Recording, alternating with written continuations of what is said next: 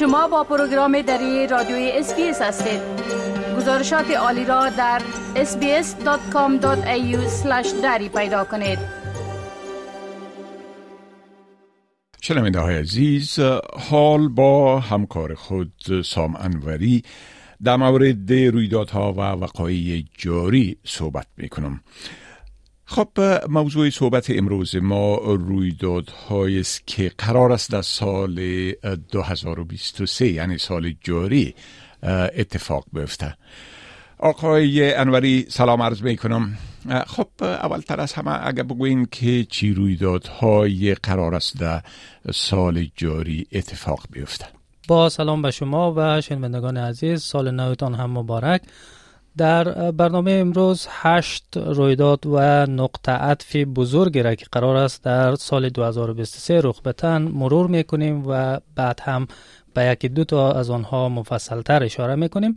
البته لازم است یادآوری کنم که این رویدادها بر اساس اهمیت جهانیشان و همچنان ارزشی که برای استرالیا دارند انتخاب شدن. از آشوب جنگ گرفته تا ادامه همگیری کووید 19 مرگ ملکه بریتانیا جام جهانی بحث برانگیز فوتبال مردان و حذف زنان از زندگی اجتماعی در افغانستان اتفاقات بودند که سال 2022 را به سال پرماجرا و فراموش نشدنی تبدیل کردند.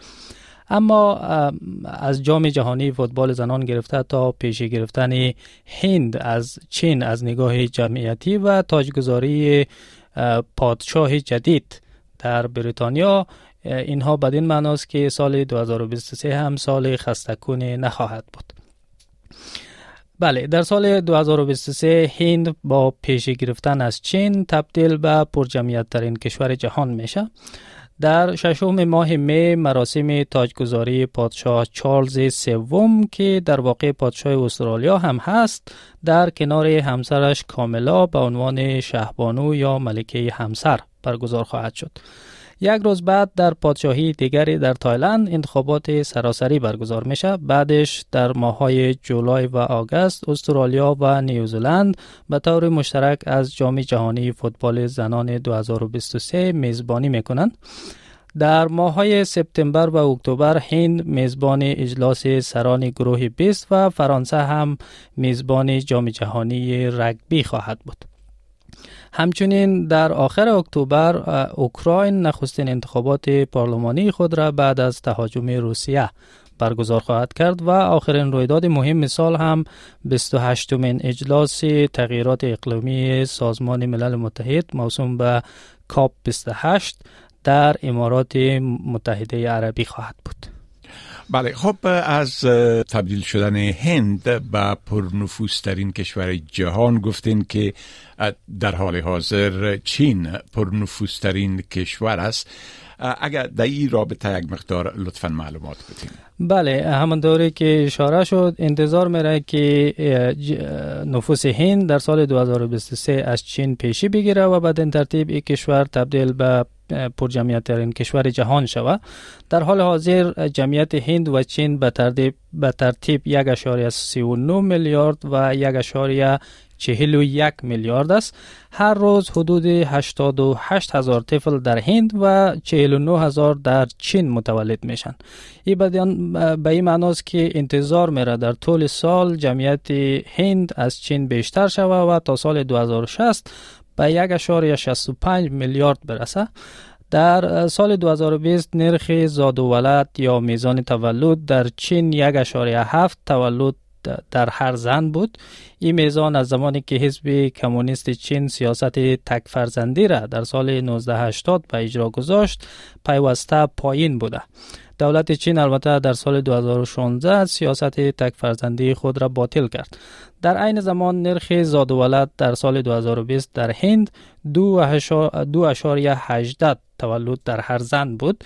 نرخ زاد و ولد هند هم از دهه 1960 به این سو رو به کندی بوده اما در مقایسه با چین کاهش چشمگیری نداشته.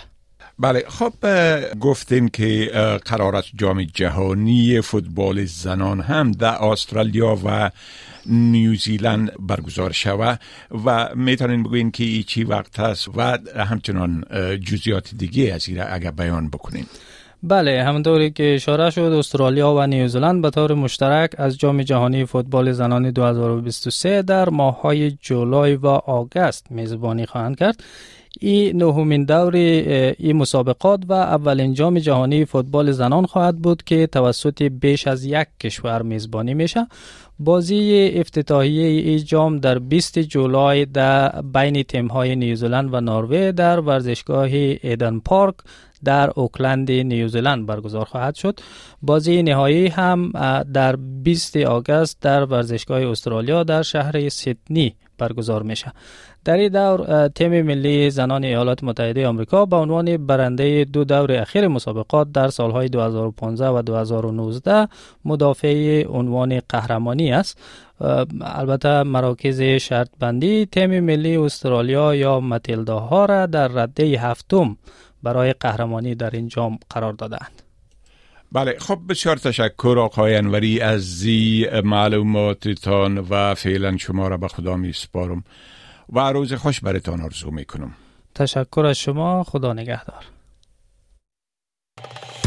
بپسندید شریک سازید و نظر دهید. اسپیس دری را در فیسبوک تعقیب کنید.